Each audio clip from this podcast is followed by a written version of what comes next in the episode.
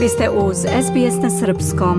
Slušali ste pregled vesti na srpskom jeziku. Za sve najnovije posjetite sbs.com.au kosacrta news. U nastavku sledi opširan sportski izveštaj.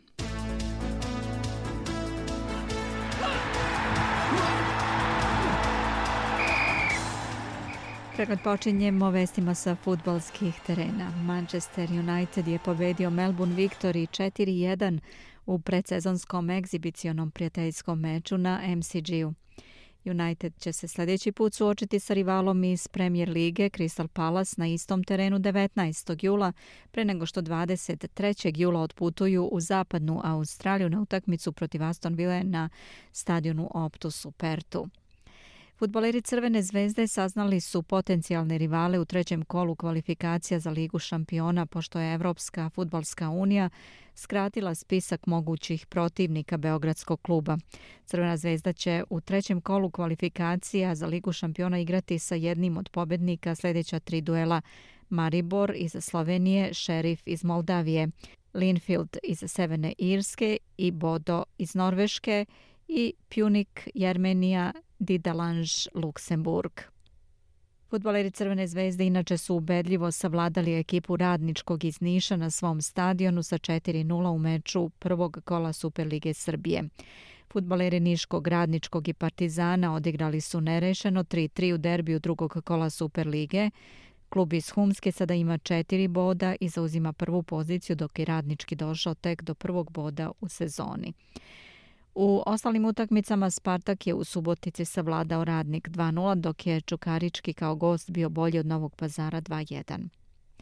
Evropska futbolska unija kaznila je futbolsku reprezentaciju Srbije zatvaranjem stadiona na narednoj utakmici protiv Švedske u Ligi nacija, saopšteno je iz Niona. Kontrolno, etičko i disciplinsko telo UEFA odluku je donelo zbog ispada navijača Srbije na utakmicama protiv Norveške, 2. juna i Slovenije u Ljubljani 12. juna. Ruski futbalski klubovi neće moći da nastupaju u Evrokupovima ove sezone, presudio je sud za sportsku arbitražu u Lozani. Rusi su prethodno pred sportskim sudom uložili žalbu na odluke UEFA i FIFA koje su suspendovali ruske timove i selekcije zbog rata u Ukrajini, ali je sud juče potvrdio odluke vodećih futbalskih tela. Košarka, srpski košarkaš Balša Koprivica pružio je odličnu partiju u porazu Detroita od Clevelanda 82-79 u letnjoj ligi NBA u Las Vegasu. Koprivica je meč završio sa double-double učinkom, 10 pojena, 10 skokova, bez promašaja iz igre. Odbojka odbojkašice Srbije u subotu, danas, igraju polufinalni meč na završnom turniru Lige nacija u Ankari, a protivnik je selekcija Brazila. Srpske odbojkašice kažu da igraju rasterećeno i da u naredni meč ulaze maksimalno motivisano. Odbojkašice Srbije napravile su malo iznenađenje u četvrt finalu savladavši selekciju Sjedinjenih država, a u polufinalu Lige nacija očekuje ih dule sa Brazilom. Rukomet, juniorska rukometna reprezentacija Srbije poražena je u polufinalu Evropskog prvenstva u Portugaliji. Španija je bila bolja 32-29. Izabranici Đorđa Teodorovića u nedelju će se boriti za bronzano odličje, a protivnik će biti poraženi iz duela između Švedske i domaćina Portugalije. Svetska smotra najboljih atletičara sveta po drugi put ove godine otvara vrata nakon šampionata u dvorani koje je održano u Beogradu u martu. Novo okupljanje takmičarskog krema kraljice sportova ovaj put na otvorenom biće održano od 15. do 24. jula u američkom Oregonu.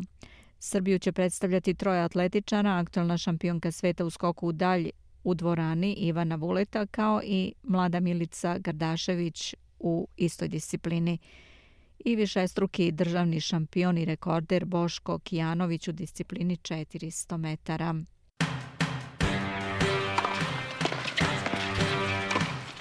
Srpski teniser Laslo Đere nije uspeo da se plasira u polufinale ATP turnira u Bostadu pošto je poražen od drugog nosioca Andreja Rubljova iz Rusije. Đera je pružio dobar otpor Rubljovu, ali nije mogao više od poraza rezultatom 7-5-6-4. Srpska teniserka Olga Danilović plasirala se u polufinale VTA turnira u Lozani posle još jednog velikog preokreta i dramatične pobede.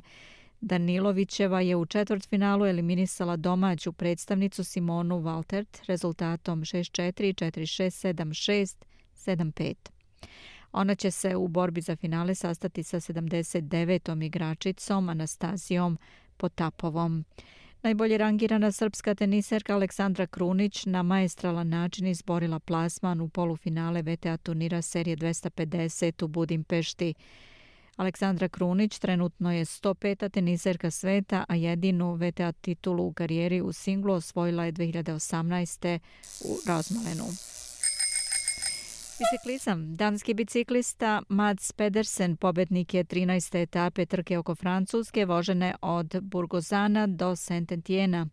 On je deonicu dužine 192,6 km prešao za 4 sata 13 minuta 3 sekunde.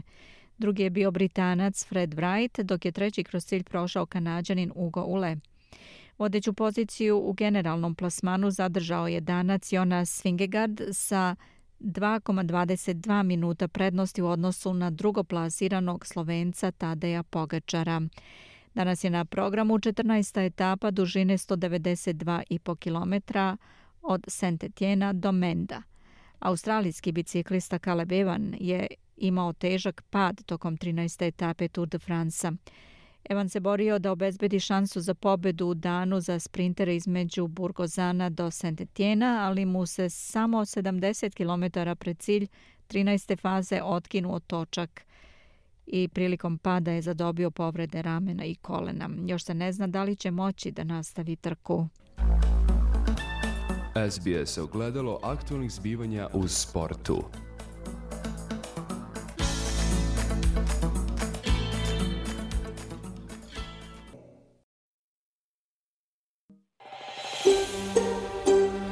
Želite da čujete još priča poput ove? Slušajte nas na Apple Podcast, Google Podcast, Spotify ili odakle god slušate podcast.